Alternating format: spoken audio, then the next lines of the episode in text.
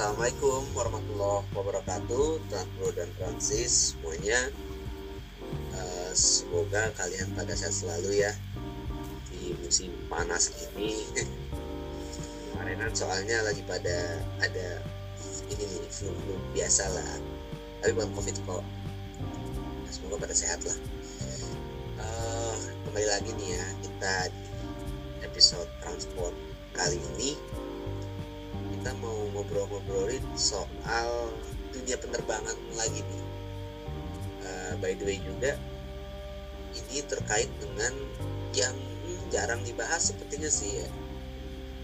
Uh, kalau sebelumnya waktu setahun lalu kita pernah bahas angkutan perintis, tapi itu angkutan darat. Nah kali ini kita nih mau ngobrolin tentang angkutan perintis, tapi uh, dalam konteks angkutan udara nih. Pesawat gitu ya pesawat penumpang perintis segala macem gitu. Nah kali ini uh, kita nggak satu tim aja nih tapi kita bawa uh, bintang tamu kita yaitu Mas Imam Imamuddin uh, Jati Wicaksono. Ya beliau nih uh, kita seorang pilot ya seorang pilot yang nerbangin pesawat-pesawat perintis Oke, Mas. Uh, boleh saya hai nih, Mas.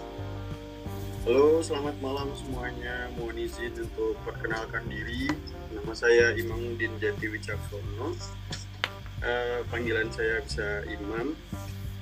Um, kebetulan saya adalah penerbang ya mas uh, dulu tahun 2016 sampai 19 di penerbangan perintis dan kemungkinan saya akan merecall lah apa yang sudah pernah saya alami lah. Meskipun sekarang udah di apa ya sektor penerbangan yang berbeda pesawat yang agak lebih besar sedikit gitu ya. Ya semoga bisa membantu lah untuk informasi-informasi yang dibutuhkan. Siap siap oke mungkin dari Azam ada pertanyaan. Azam. Oke kita langsung masuk ya. Nah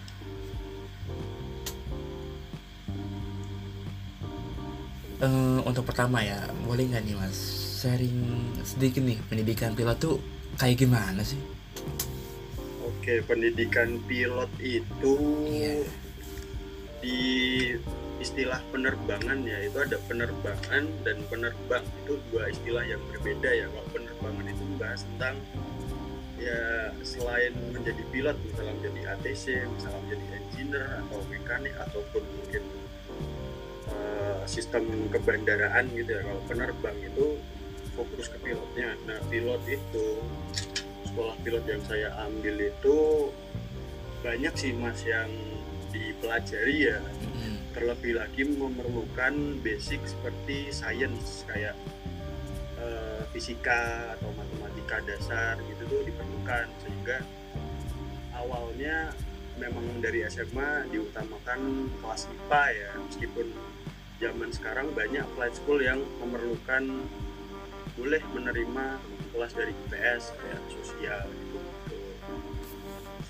dan di sekolah pilot pun sekolah penerbang pun kita diajarkan bagaimana kita menerbangkan pesawat tapi tidak di lingkup itu saja. Banyak kita pelajari tentang cuaca atau tentang sistem pesawat itu sendiri atau mungkin bahkan kesehatan atau psikologis dari penerbang itu sendiri kalau kita masuk cuaca buruk gimana kalau kita menghadapi penumpang bukan bukan penumpang sih kayak apa ya banyak workload dalam satu waktu kita memanage gimana itu juga diajarkan gitu. jadi nggak semata-mata oh nerbangin pesawat sekian jam muter-muter tanpa ada ilmu yang diserap tuh enggak gitu tapi ada belajar manuver, belajar sistem, belajar airlaw atau hukum penerbangan gitu-gitu juga kita pelajari sehingga kita terbang pun nggak ngasal ada aturannya. Oke oke. Wah banyak juga ya berarti ya mas ya yang dipelajarin ya. Iya betul betul banyak gitu. dan relatif apa ya dalam waktu yang singkat misalnya kuliah kan empat tahun gitu kan dengan dibagi dengan beberapa SKS atau mata kuliah tuh bisa rata lah sedangkan sekolah penerbang ini relatif singkat ya kalau di luar negeri itu bisa enam bulan selesai atau mungkin di dalam negeri kayak dua tahun itu selesai banyak yang dipelajari juga jadi cukup hektik lah beberapa orang untuk belajar ilmu-ilmu baru seperti itu oh. Jadi memang uh, cukup bilang nih sangat-sangat ini ya banyak juga materi-materinya gitu ya. Betul betul. Ya gitu mas. David mau tambahkan uh, oke okay, tadi itu sebenarnya sedikit pengantar lah gitu bagaimana apa sih seluk beluk apa sekolah pilot tuh kayak gimana sih pendidikannya. Nah sekarang kita langsung masuk saja nih sama sesuai dengan topik kita nih tentang program perintis ya. Hmm. Nah, Mas, di saat pilot lain tuh pada berlomba-lomba tuh menerbangin pesawat besar seperti Boeing, Airbus dan semacamnya. Yes. Kenapa Mas lebih memilih untuk menerbangkan pesawat turboprop sekelas Cessna Grand Caravan atau ATR dan kenapa Mas dulu lebih memilih untuk mengabdi di penerbangan perintis yang berbahaya ketimbang di penerbangan regional yang rutenya udah pasti nih Mas. Kenapa nih Mas? Uh, Oke, okay. kalau boleh jujur ya, awalnya saya emang nggak pasang target harus kerja di mana kok harus jet oriented seperti yang orang-orang pada bilang itu enggak saya mau kerja di mana aja saya nyebar CV itu juga nggak milih-milih gitu mau jet mau uh, perintis kayak yang di penerbangan yang sempat saya jalani gitu jadi saya nyebar CV kepanggil di mana ya saya jalanin tes. Nah, kebetulan saya uh, menyebutkan yaitu saya uh, dipanggil tes di maskapai Perintis Susi Air ya saya datang ke Pangandaran. Nggak berharap untuk diterima ya kenapa? Karena saya akui tes untuk masuk ke maskapai tersebut itu terhitung susah ya gitu. Pada saat itu saya mengakui dan eh kok dilalah bahasa Jawanya dilalah tiba-tiba hasilnya terima dan dalam waktu dekat mulai training gitu ya alhamdulillah gitu kan. Setelah sekian lama prosesnya gitu kan, dari sekolah pilot di luar terus untuk program untuk mendapatkan license Indonesia itu perlu usaha lagi endorse license dan melamar itu juga enggak mudah gitu ya. Alhamdulillah keterima di situ. Ya itulah yang apa yang di depan mata diambil gitu jangan pilih-pilih lah berarti uh, mas sendiri nggak memasang target ya. Berarti istilahnya terima di mana ya udah aku masuk gitu ya seperti itu. Yes betul. Karena kita ya tahu lah ini masih merintis kan namanya gitu. Nggak muluk lah. Di, di tengah apa ya pada saat zaman saya itu untuk mencari kerja untuk fresh graduate pilot itu juga udah mulai susah.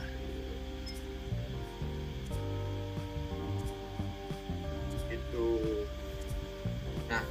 terus nih mas uh, uh, Susier itu di, sebenarnya melayani rute regional juga gak sih? Atau sepenuhnya perintis gitu mas? Selama salami uh, dia itu Susi Air dengan rating pesawat Cessna Grand Caravan itu melayani dia punya rute reguler sendiri. Cuma dia lebih banyak untuk uh, ikut rute subsidi perintis dari pemerintah mas. Jadi ibaratnya apa ya rute subsidi pemerintah itu jadi tiketnya lebih murah. Jadi orang-orang jadi tertarik untuk naik gitu loh.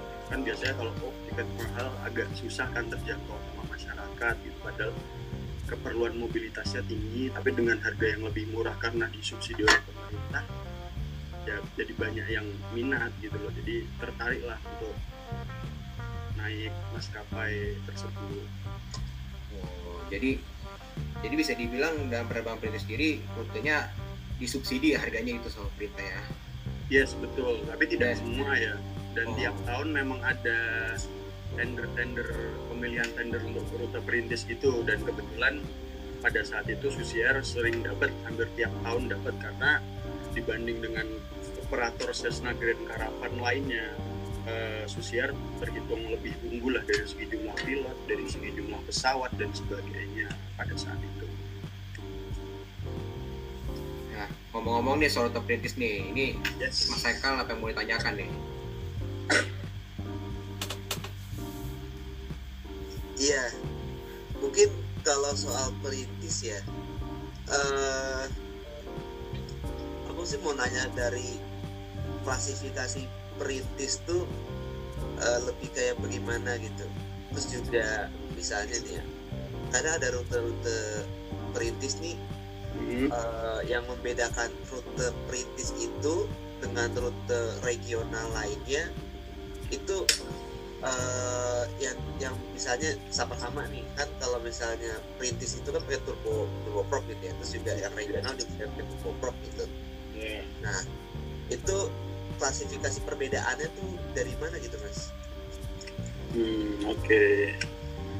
Kalau definisi menurut saya ya Mas pribadi, kalau perintis itu kita masuk ke daerah yang sedikit remote atau terpencil atau agak masuk-masuk dikit lah istilahnya.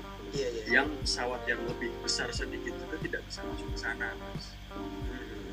Jadi ibaratnya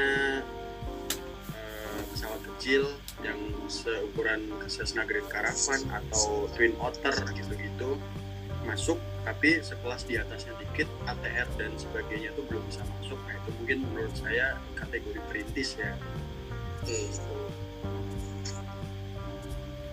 Ah, by the way juga nih mas ya. Yes. Eh, perintis itu berarti juga ada perintis penumpang sama perintis kargo ya mas ya Evam betul. Jadi perintis kargo itu mereka mungkin membawa barang untuk apa ya supply logistik lah ke dari daerah yang besar atau daerah apa ya eh, masih ada fasilitas yang lengkap dan kita mensuplai ke daerah-daerah kecil atau daerah yang agak masuk sedikit tapi mungkin untuk distribusi logistiknya itu agak susah kalau lewat jalur darat atau laut misalnya kalau penumpang ya seperti yang kita tahu gitu bahwa penumpang eh, full penumpang tanpa ada kargo gitu kan untuk mobilitas manusia gitu. Iya benar-benar. Oh sama ini sih mas, aku tuh pernah tuh ya pernah baca ya di uh, infografisnya Ya, perhubungan udara nih. eh, Itu ada korwil korwil nih koridor wilayah untuk perintis Yes. nih. eh, Nah itu kalau boleh tahu tuh maksudnya korwil tuh gimana gitu mas yang mas Imam tahu? Terus Korwil. udah pernah ke mana aja nih mas? Kalau yang korwil korwil. Korwil itu koordinator wilayah kalau nggak salah ya itu kalau Iya. zaman saya di itu dia tugasnya banyak banget ya setahu saya. Selain memantau bagaimana sistem di base itu berjalan misalnya oh ini ada delay ini kenapa? Dan dia mungkin Korwil ada apa ya tanggung jawabnya pada pemilik atau penanggung jawab dari eh, perintis itu. Karena dia pasti harus punya punya laporan pertanggungjawaban gitu ke pemerintah yang selaku pemberi rute perintis itu kan bersubsidi itu Yes. gitu. Iya iya. Nah, dia perwakilan dari Susi Air untuk rapat-rapat atau untuk memantau gitu atau memberi komen eh ini kok di base Sentani kok ada pesawat rusak dan mungkin harus berpikir ya dari awalnya dari Korwil itu memberi inisiatif terus gimana apakah harus tukar pesawat apakah harus pesawatnya aircraft on ground atau AOG atau itu itulah gitu dia harus memberi inisiatif yang lebih gitu dibanding bawahannya mungkin di Yes. bawahnya ada district manager atau mungkin ada manajer apa lagi gitu Hmm, mulai paham mulai. Eh, berarti korwil itu juga berarti eh, menghimpun banyak ini dong ya apa bandara-bandara di dalamnya ya? FM Perwil itu koordinator wilayah ya jadi kayak Iya. eh, agak wilayah yang agak besar kayak Papua Barat ada Papua ada Maluku ada Sulawesi ada terus Kalimantan ada. Jadi kayak lingkungan besar gitu. Kan kalau Kalimantan kan ada kayak base dari Malinau, Tarakan, Samarinda, Balikpapan, Palangkaraya itu banyak. Jadi mereka kayak mengurusi. Jadi sering banget mereka tuh muter-muter ke arah ya kota-kota itu tadi yang mereka naungi gitu untuk survei-survei atau mungkin terturun langsung eh apa yang kurang apa yang perlu diperbaiki gitu. Jadi kayak jemput bolanya mereka harus kayak gitu.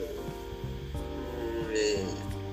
Ini juga eh, apa namanya aku baca-baca juga gitu soal Korwil nih ya masih soal Korwil itu kan banyaknya tuh di Papua gitu. Terus Yes. eh, di Sumatera tuh ada sekitar tiga yang untuk penumpang ya terus Yes. ya, kalau di Kalimantan tuh ada tiga nah Hmm. kalau di Papua dan Pa- Papua dan Maluku eh, Maluku ada dua Papua tuh ada banyak terus juga kalau untuk di Sulawesi di daerah eh, Nusa Tenggara sama Jawa tuh ada satu gitu nanti eh, Mas Imam kalau boleh tahu nih pernah di ini apa namanya di terbang gitu ya? Iya. di wilayah-wilayah Korwil mana nih Mas? Eh, kalau saya zaman di Susi dulu perintis hampir semua pulau sudah saya datengin ya mas. Kecuali Sumatera belum pernah. Jawa sudah Kalimantan sudah Sulawesi Maluku tuh Ternate Papua terus Kupang juga udah. Hampir semua sih mas Sumatera ini belum gitu. Berarti kalau di Jawa ini berarti sekitaran kalau perintis tuh eh, apa ya Mas berarti daerah kalau mana? perintis nggak ada Eh, setahu saya ya kalau setelah saya Sumatera ada teman saya cuma ada Halim Pangandaran, Halim ke Cilacap, tapi itu rute regulernya Susier mas, bukan perintis ya. Tapi termasuk maksudnya membantu juga untuk mobilitas itu ya intra Jawa gitu loh kan. Kalau dari Jakarta mau ke Pangandaran harus kalau nggak naik kereta turun Purwokerto, Cilacap gitu-gitu kan. Kalau nggak naik bis gitu kan bis itu bisa Iya iya benar. 8 jam 12 jam gitu kan kayak aduh gitu kan mana medannya begitu nah pesawat kecil seperti ini Hmm. masuk gitu loh dengan badan Pangandaran yang runway-nya mungkin di bawah 1600 pada saat itu belum bisa ATR bisa masuk gitu. nah bisa menjadi opsi gitu bagi orang yang pengen menuju ke Pangandaran atau ke Jakarta itu dengan waktu yang relatif cepat gitu cuma satu jam udah Iya. gitu Benar benar naik bis 8 jam 12 jam gitu kan dan Dikata apa ya saya saya pantau selama itu juga okupansinya selalu full gitu loh memang ada aja gitu loh yang mau naik gitu itu dia bisa lah menjadi opsi dari kota A ke kota B gitu Iya iya. Berarti untuk saat ini gitu ya yang eh, istilahnya bandara eh Nusawiru tadi ya tuh namanya ya, yes kalau ya yang di Pangandaran Nusawiru ya. di Pangandaran ya itu yang yang paling okupansinya ramai gitu ya dan dibilang perintis perintis nggak sih maksudnya gitu? Eh, perintis nggak perintis ya kalau di Jawa. Iya, makanya ya. Ada juga yang apa eh, dari Surabaya terbangnya Iya. ke Pulau Bawean gitu ke Sumeneb. Oh. itu juga perintis juga itu subsidi pemerintah juga. Ya. Dan hampir semua sih hampir semua bis yang pernah saya datengin penumpang juga ada dan banyak gitu loh. Iya iya itu pun didukung karena eh, subsidi pemerintah tadi karena oh tiketnya jadi lebih murah jadi lebih terjangkau orang jadi mau naik gitu. Betul betul. Sebenarnya mereka bisa contoh dari Palangkaraya ke Muara Teweh itu jalur darat bisa. Cuma bisa 12 jam bisa 8 jam gitu naik jalur darat gitu loh. Kita naik pesawat cuma 45 menit udah sampai. Itu kayak wow gitu loh. Salah satu Iya, iya. solusi banget gitu. Betul betul Iya makanya kalau kalau misalnya kayak di daerah Kalimantan yang punya korwil banyak dan Papua gitu kan bisa dilihat juga eh, bahwa oh bisa jadi medan di sana itu konturnya tidak Iya, baik. mungkin ya mungkin sulit untuk dijangkau atau dijangkau belok-belok. Jadi makan waktu lama jadi perlunya ada eh, angkutan udara perintis gitu ya. Betul betul. Jadi angkutan udara kan salah satu yang tidak apa ya terpengaruh oleh medan di darat atau mungkin iya iya. Ya gitu gitulah dari segi penumpang bisa cepat sampai dari segi pendistribusian logistik bisa lebih cepat walaupun harus membawa barang-barang yang segar dan harus iya. apa ya, segera dikirim tuh solusi yang tepat gitu loh. Iya iya. Bener sih. Dan juga kalau mau ngomongin Jawa ya itu makanya agak agak unik-unik gitu kan. Eh, ya betul. ini ada kan yang kalau udah Jawa ini kan udah banyak international airport gitu gede-gede ya Iya. meskipun ada airport biasa tapi juga statusnya juga eh, muat lah untuk pesawat-pesawat besar gitu. Jadi udah Betul. tidak perintis mana ya kira-kira yang daerah Dibilang- daerah perintis ya gitu. Iya makanya dibilang perintis juga istilahnya. Apa nih dibilang perintis juga gimana ya masih bisa dijangkau sama kendaraan lain gitu iya perintis nggak perintis ya nanggung Iya. ya nanggung Iya. banyak ini konektivitas banyak gitu kan tinggal pilih Iya. aja betul kereta bisa bis bisa Betul. mobil sendiri bisa gitu kan ya iya by the way Iya. juga Nusa Wiru itu ya Nusa Wiru yang megang langsung dari di subnya Jabar ya langsung ya eh setahu saya sih iya betul ah, betul betul iya ada soalnya ada tuh apa kayak UPTD-nya gitu langsung dari nah iya betul. Oke, ini mungkin eh Azam mungkin ada eh, tanya lagi nih Zam. Oke.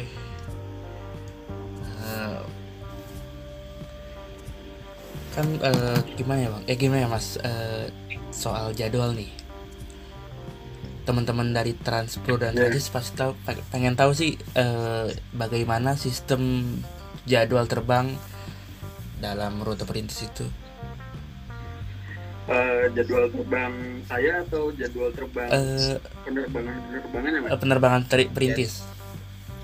oh penerbangan penerbangan kalau saya ambil contoh di Manokwari ya misal yang pernah saya datangin itu dia terbangnya Senin sampai Sabtu dan hari Minggu khusus wajib libur ya. Tapi tiap hari itu kita tidak mendatangi rute yang sama tiap hari. Tapi selang-seling gitu loh. Hari Senin kita datang ke ABC misalnya hari Selasa kita DEF gitu gitu. Oh. beda-beda selang-seling Oke oke. dan maksudnya eh, kalau kita mungkin dibikin tiap hari juga ketersediaan pesawat dan eh, kru kokpitnya juga mungkin kurang memadai ya gitu. Karena Mm-mm. masih selain Manokwari kan ada puluhan bis lain gitu loh. Sedangkan pesawatnya tersebar di mana-mana jadi di satu sisi masih kurang ter tertampung sama kami sendiri gitu loh mungkin pada saat itu. Nah, gitu kok- nah kalau boleh tahu nih mas selama waktu Hmm. bertugas di Susi Air sendiri mas sendiri sudah apa dalam sehari itu bisa berapa kali landing dan take off mas Aduh, kalau perintis ya, saya pernah itu rata-rata cuma 6 landing ya sehari ya. Tapi pernah ada satu schedule itu saya di Makassar dan di Sulawesi lah pokoknya itu sehari bisa 14 landing mas tiap hari. Itu memang penerbangannya cuma kayak cuma aduh apa kayak lompat gunung doang gitu Penerbangan cuma 15 menit mendarat gitu. Mendarat terus matiin mesin buka pintu ngeluarin barang 5 menit juga udah buka pintu berangkat lagi oh berarti tektok tektok gitu ya? Ya betul tektok tektok itu Eh, biasanya nih eh,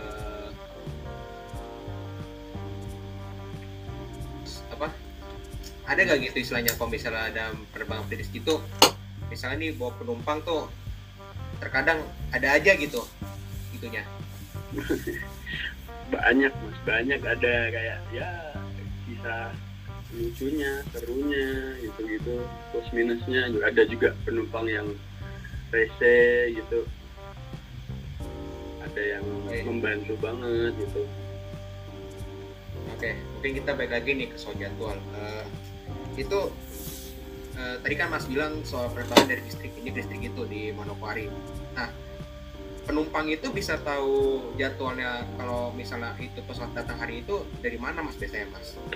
Eh, dia itu kalau di CCR ya cara untuk reservasi tiketnya itu cuma dari call center sama website mas dia kalau misalnya di bandara kayaknya beberapa nggak bisa beli di customer service-nya ya jadi kayak tiap maskapai tiap operator tuh beda-beda sih cara untuk mendapatkan tiketnya dan cara tahu oh rute A ke B itu hari apa aja jam berapa aja tuh caranya beda-beda.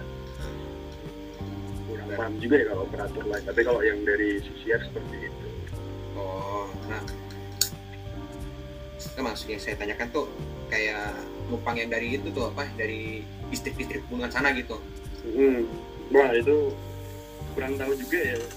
Soalnya misalnya saya dari Manokwari ke Bintuni atau Manokwari Merde pun juga mereka nggak ada info apa-apa gitu untuk pesawat ini datangnya jam berapa, apakah hari ini ada penerbangan gitu. Kadang mereka tahu, kadang mereka nggak tahu gitu. Susah juga untuk menebaknya gitu loh mereka. oh jadi ya seperti yang mas ceritakan itu berarti ya kejadiannya Iya betul betul betul. oke kita lanjut nih Eh, mungkin kita kurang afdol nih kalau misalnya, kalau misalnya kita nggak ngomongin armadanya nih nah mas Ya. menurut mas sendiri nih yang membedakan Cessna Grand Caravan dengan pesawat lainnya Hmm. sekelas Twin Otter atau Pilatus tuh apa tuh Ya. bagi mas tuh apa ya yang paling signifikan adalah kapasitasnya ya mas. Kapasitas angkut dan juga performanya. Meskipun tiga-tiganya masuk kategori perintis ya bisa masuk ke airstrip yang agak pendek atau medannya agak sulit gitu itu sih yang membedakan gitu. Misalnya porter kapasitasnya mungkin 6 penumpang tapi dia yang paling bisa masuk gitu di antara tiga itu itu di rumput yang landasannya cuma 250 meter juga bisa masuk. Sedangkan di 250 meter itu karavan dan twin otter belum tentu masuk gitu. Beda lagi kayak karavan eh, bisa di airstrip yang bisa apa ya slope-nya berapa degree slope tuh yang tingkat kemeringan landasannya gitu. Iya. Sampai miring 20 degree 20 derajat itu mungkin pesawat lain juga belum tentu bisa. Tiap pesawat ada karakter gradiennya ya? kegunaan ya betul. Ada kegunaannya masing-masing masuk ke medan-medan itu.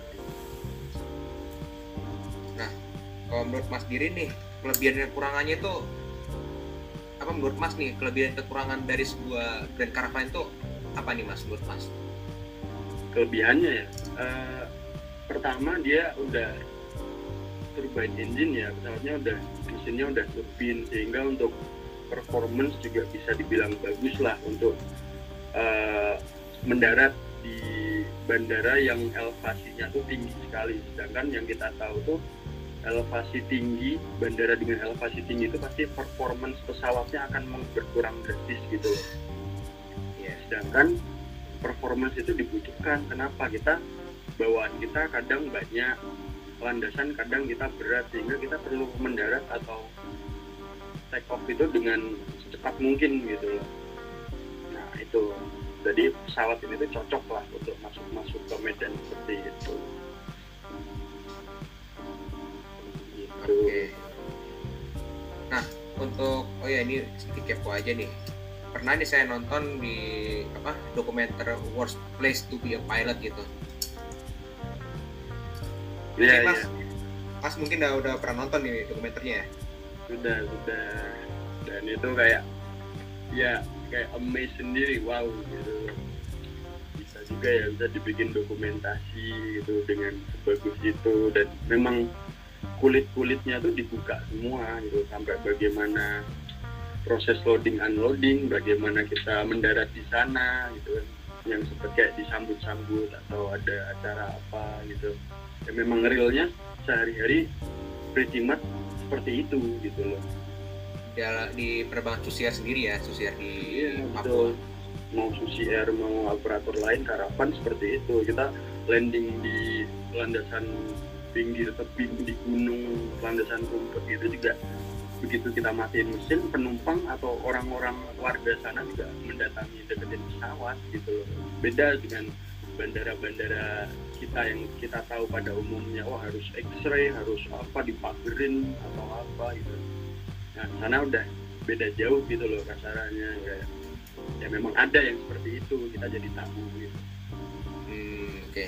Nah, eh, oh ya, sebelumnya nih di Cessna Grand Caravan sendiri terdapat autopilot gak sih atau semuanya mesti manual gitu?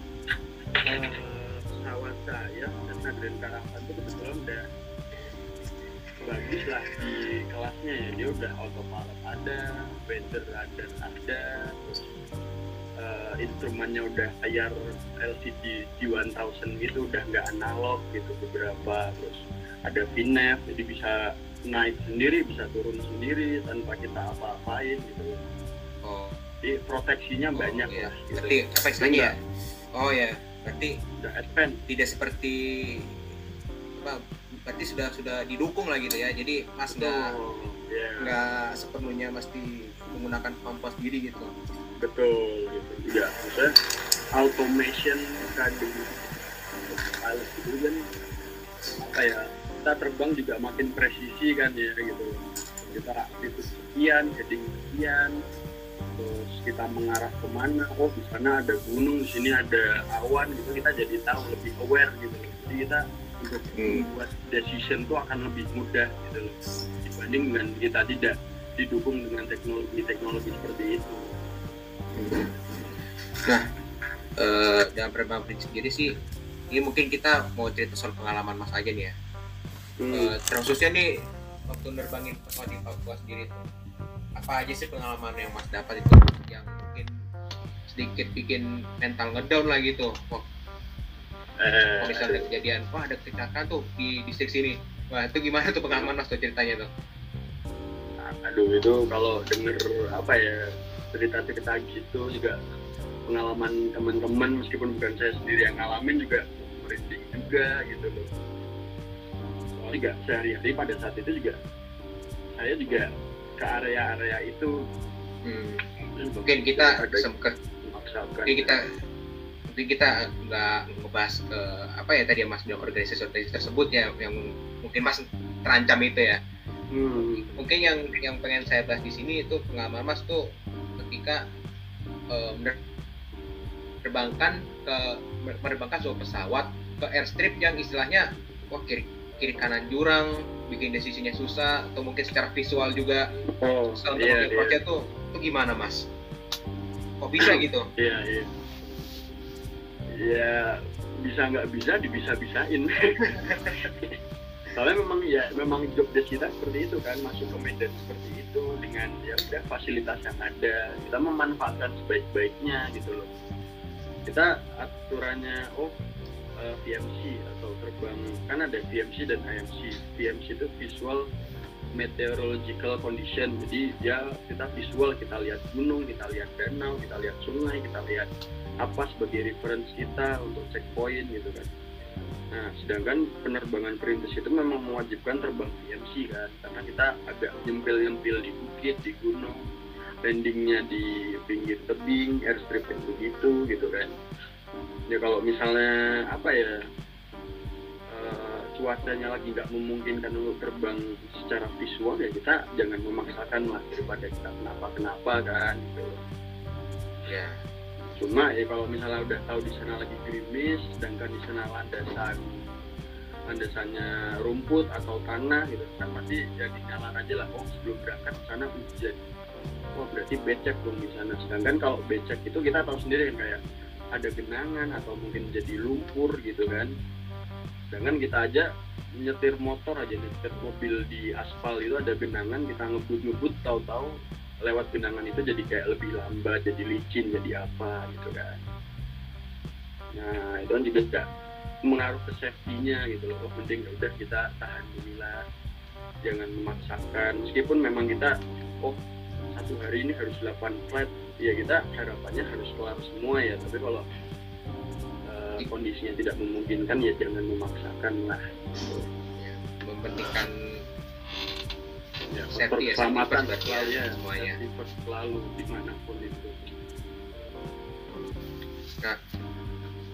kalau mas sendiri nih kalau misalnya bikin decision making untuk tadi untuk landasan-landasan yang mas bilang itu apa saja sih faktor yang mesti mas utamakan gitu. Apa faktor apanya tuh? Mungkin faktor angin atau faktor apa gitu mas? Gitu. faktor angin terus faktor apa ya? Eh, kebersihan dari landasan itu. Kebersihan dalam arti oh kan itu bandaranya airstrip kan cuma landasan rumput landasan tanah atau apa gitu. Dan itu tidak dijaga dan tidak dipagrin gitu. Jadi warga sekitar memang kadang menyeberang atau mungkin ada hewan liar. Itu hewan liar tahu saya eh, misal babi itu sering banget mereka melintas gitu. Kan kalau babi atau hewan dan lainnya kan tidak punya apa ya kita ngingetin juga masih aja di situ. Kalau orang kan eh awas ada pesawat kan nunggu kan. Jadi kayak ada logiknya. Kalau hewan kan main nyebrang nyebrang aja tahu-tahu nyebrang eh pas kita approach gitu kan. Ngagetin juga gitu loh. Nah, itu juga jadi sebisa mungkin kita sebelum mendarat kita overhead atau terbang di atasnya dulu landasannya kita lihat oh ada orang lewat ya udah tunggu dulu. Oh setelah orangnya clear udah nggak lewat situ udah kita approach gitu. Itulah salah satu cara kita untuk ya biar safety itu gitu jangan kita nggak tahu kondisi landasannya gimana ada apa di situ main approach approach aja kan risiko juga ya gitu. Iya benar banget nah terus dia ada pesawat oh berarti dalam satu airstrip tuh bisa ada satu dua pesawat berarti ya misalnya Iya, nih banyak ya. Hmm. Itu biasanya udah apa? Mas udah janjian kah bakal ada terbang ke situ atau eh, kebetulan aja gitu? kebetulan aja karena ya kita nggak kontak-kontakan ya antar operator misal Susi Air atau mungkin di Munim atau Enggang atau yang lain gitu. Tapi mereka eh, keperluan masing-masing ya ngangkut saya misalnya dari Nabire ke Bilogai ada yang operator lain dari Timika ke Bilogai ada yang dari Sentani ke Bilogai kita nggak tahu ya dari mana aja datangnya kapan kapan untuk keluar dari bandara itu gitu ya. Bisa papasan di udara pun juga sering papasan gitu loh papasan dalam arti masih dengan jarak yang aman ya gitu. Oh inside oke di landing jadi kontak-kontakan di radio gitu. Eh mas posisi di mana gitu kan. Dengan bahasa Inggris ya gitu. Kita tiap checkpoint ya dia tahu oh mas Imam terbang dari Nabi Deka ini eh, sekarang lagi posisinya ini. Nanti estimate sampai ke bandaranya nah pesawat lain pun juga akan transmit seperti itu untuk didengar di radio supaya yang lain juga dengar. Oh pesawat B mau ke sini kita jadi tahu jadi awarenessnya ada gitu. Gitu. Kita komunikasi saling komunikasi di atas. Oh tantangan juga ya kalau Iya, nggak ada ATC gitu ya nggak ada ya koordinasi. frekuensinya tuh kayak ya udah frekuensi untuk transmit posisi kita. Iya iya. Gitu. Nah mungkin, nah kan tadi kan sempat singgung juga sama Haikal tentang eh, penerbang perintis kargo gitu. Hmm. Nah prosedurnya itu gimana tuh ya mas? Karena pernah nih saya lihat nih eh, di Instagram mas nih, pas saya kepoin gitu, waduh mas sampai sampai ada bawa ayam, sampai bawa kalau nggak salah. iya Wah, iya. bawa drum gitu-gitu kan iya anak ayam lah babi juga dibawa kargo banget nih ya. Iya kargo banget ya terus bawa bahan bangunan bawa beras bawa drum minyak minyak tanah solar gitu. Ya namanya juga apa ya? Misalnya kita emang ditugaskan untuk membawa itu membawa logistik membawa bahan bangunan kita buat di sana gitu ya. Kita nggak bisa pilih gitu. Kalau dari mas sendiri ada istilahnya ada prosedur sendiri gak gitu? Biar tetap safety dan nyaman gitu saat, ter- saat terbangin bahan-bahan seperti ada itu. sih. ya misalnya kalau emang diharuskan bawa hewan-hewan atau apa gitu ya kita disediain masker lah karena emang kan kita nggak tahu bisa dari segi baunya bisa mengganggu atau gimana juga kita aja di belakang di jalan aja ada truk ayam di depan kita nyetir motor kan juga nggak fokus kan buru-buru nyelip gitu apalagi di pesawat jadi satu gitu kan lah sediain masker lapis tiga lah gitu soalnya secara nggak langsung baunya tuh mengganggu juga aduh gitu. dikit-dikit ngeluh dikit-dikit ngeluh gitu. aduh bau aduh bau gitu. sampai disumpelin mati basah yang ada wanginya tuh tembus gitu kan iya betul betul betul, betul. Nah, kalau bisa kayak bawa ya. Nah, terus juga sampai bawa bahan bakar tuh. Ah, Pernah was-was kayak gitu maksudnya udah Iya, udah udah bener ngucinya belum kayak ini gitu. Iya itu. Apa ya untuk pembawaan bahan bakar gitu-gitu kan ada istilahnya dangerous good ya itu bahan apa ya yang berbahaya lah untuk diangkut gitu. Ada kategori-kategorinya dan gitu-gitu. Dan solar gitu-gitu kan termasuk flammable liquid ya dangerous good kategori flammable liquid. Dan itu pasti kita punya FOO atau Flight Operation Officer itu pasti ada training DG-nya seperti itu. Jadi mereka sudah paham untuk oh kalau bawa solar tuh harus digimanain dulu cara naruhnya gimana terus supaya nggak di atas tuh nggak guling-guling gitu kan drum ya gitu ya. Itu gimana cara ngikatnya terus eh, oh kayak eh, apa ya kita tahu pesawat kita tuh unpressurized atau tidak. Bertekanan ya beda dengan Airbus atau Boeing gitu misal itu tinggi. Nah, kalau di atas itu kita cruising ya udah unpressurized sehingga pressure di atas berkurang. Sehingga solar drum solar tadi pasti akan itu ya apa tekanannya juga berubah gitu loh di dalam tong itu.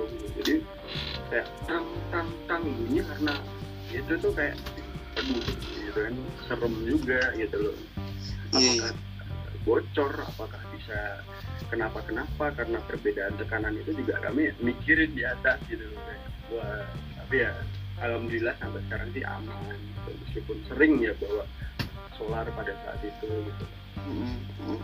karena memang kebutuhan juga sih kan memang harus uh, pesawat Mm, mm. gitu kan biar Iya, cepat betul. keren.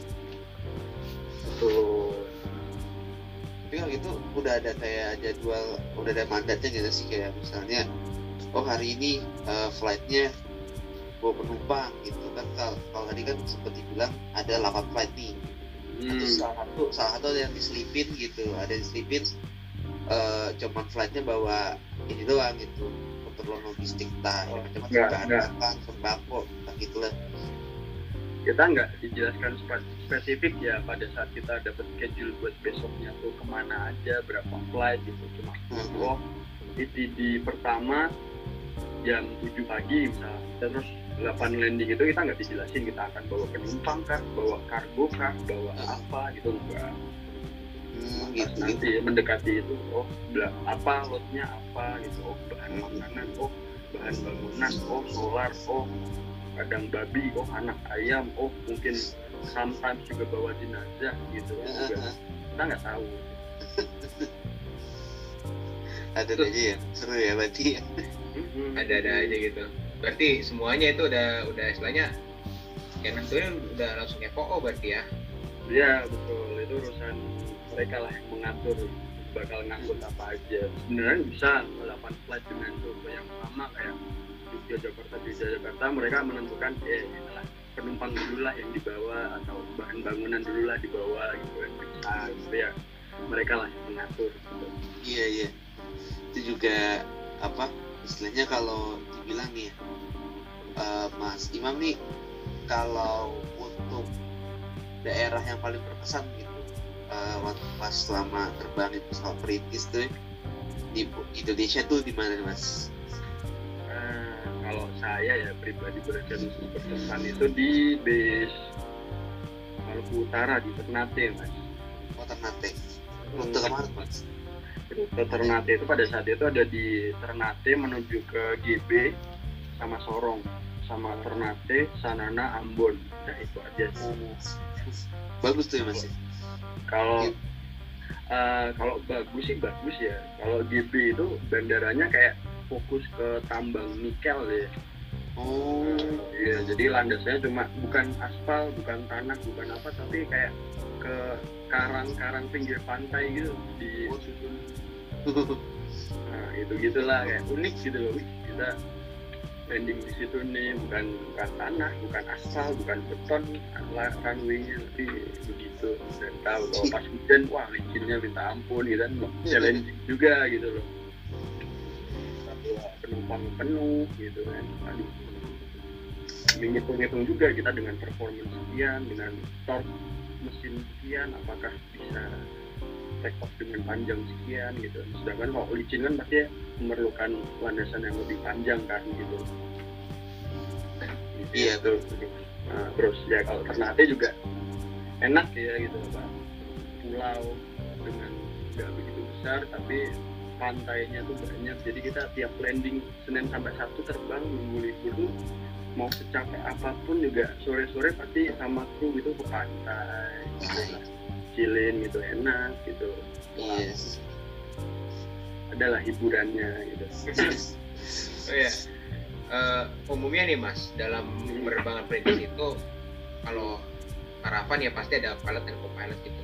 Tapi terkadang nggak, tapi terkadang ada gak sih itu penerbangan perintis yang yang nerbangin pesawatnya itu ya seorang aja gitu solo gitu. Ada gak kira-kira mas? ada beberapa operator ya dia memang single pilot aja itu juga wah itu salut banget sih itu workloadnya pasti besar banget dan memang harus kerja sendiri gitu kan itu patut diapresiasi banget lah itu karena berdua aja udah agak susah juga gitu loh untuk masuk ke medan seperti itu apalagi sendiri gitu. Kalau berdua kan bisa kalau emang apa gantian lah atau mungkin satu lagi nggak lihat ke arah yang sana misal oh lagi ada bahaya kita nggak lihat satunya ngingetin. Atau mungkin lagi ada case yang agak rumit gitu eh gue lagi ini nih apa ya lagi mikir sesuatu minta solusi yang satunya bisa ngasih jawaban dan ada saling membantu lah. Kalau sendiri itu aduh gimana ya gitu. Saya juga mikir begitu gitu loh. Problem solving sendiri. Mhm. apalagi maksudnya kalau udah landing sekian gitu kan banyak landing tapi capek gitu. Di atas mungkin ya bisa aja. Saya nggak tahu ya udah capek kan kita apa aja bisa terjadi gitu. Kayak waduh apakah tiduran atau gimana? Ini kan cuma sepersekian detik gitu kan. Bahaya juga gitu gitu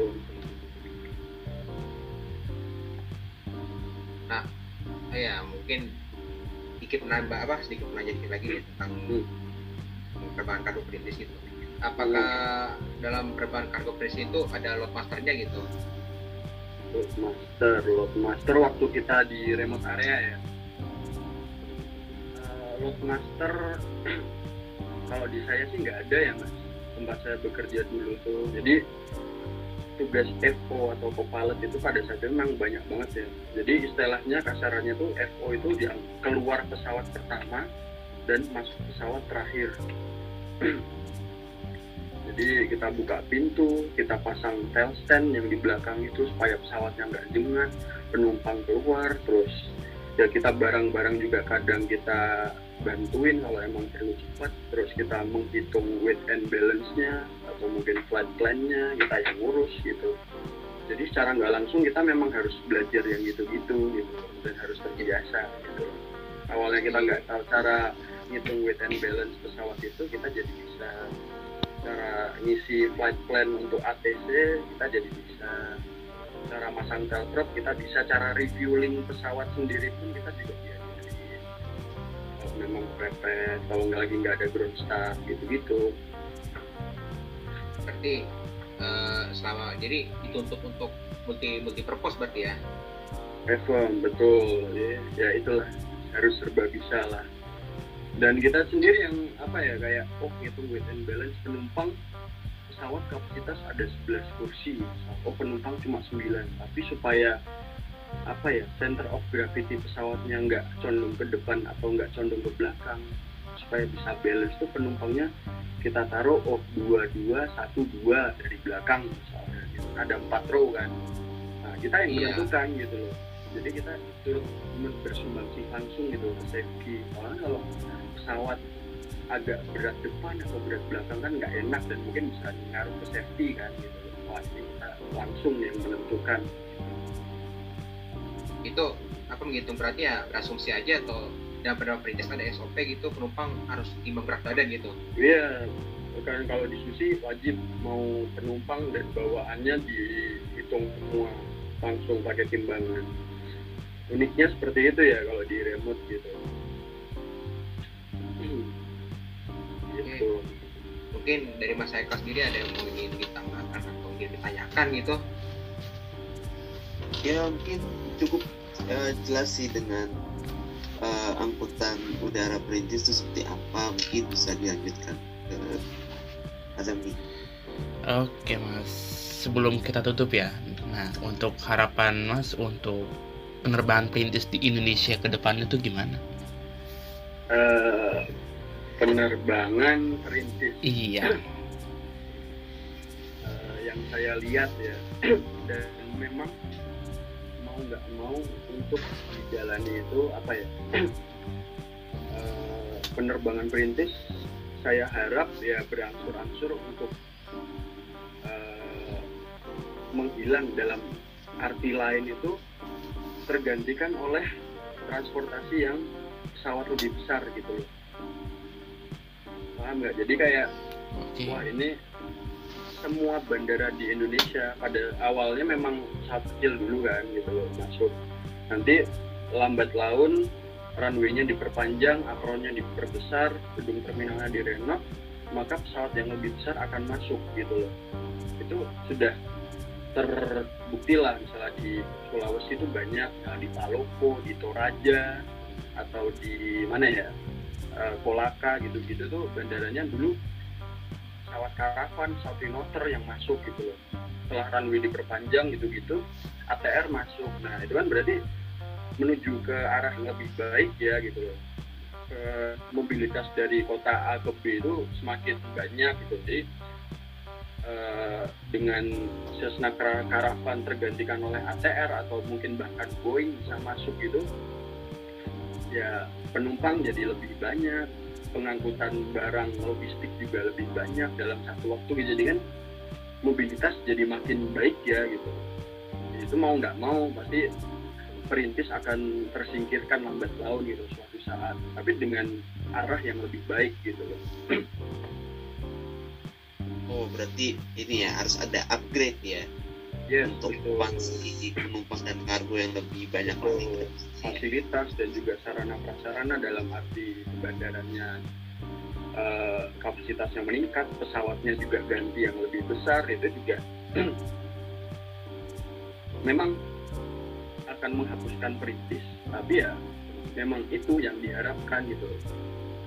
Perintis dalam arti oh kita karena kita nggak bisa masuk dengan pesawat gede langsung jadi kita pakai pesawat kecil dulu gitu loh sementarain dulu yang bisa gitu loh. Dalam arti seperti itu kan. Nah makin ke sini oh pesawat gede bisa masuk. Oh ya udah ini aja yang masuk kan malah lebih bagus gitu.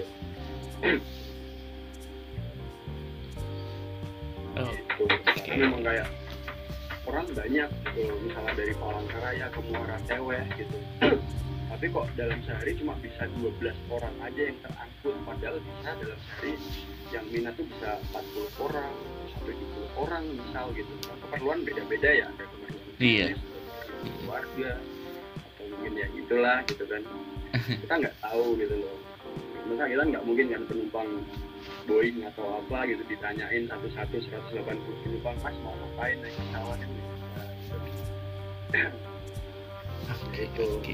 apa pun alasannya kita akomodir dengan yaitu angkutan udara gitu semakin banyak kita angkut dari A ke B akan semakin bagus gitu Siap, siap. dan memang perintis itu jalan pertama gitu loh. pendobraannya untuk mengangkut seperti itu gitu dari area yang terjangkau ke area yang agak susah dijangkau gitu.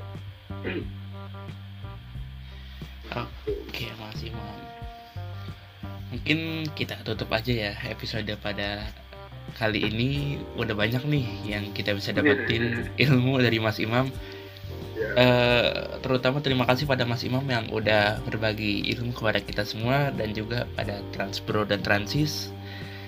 Semoga menambah pengetahuan kita semua ya soal penerbangan perintis. Eh, terakhir dari kita, wassalamualaikum warahmatullahi wabarakatuh. Waalaikumsalam.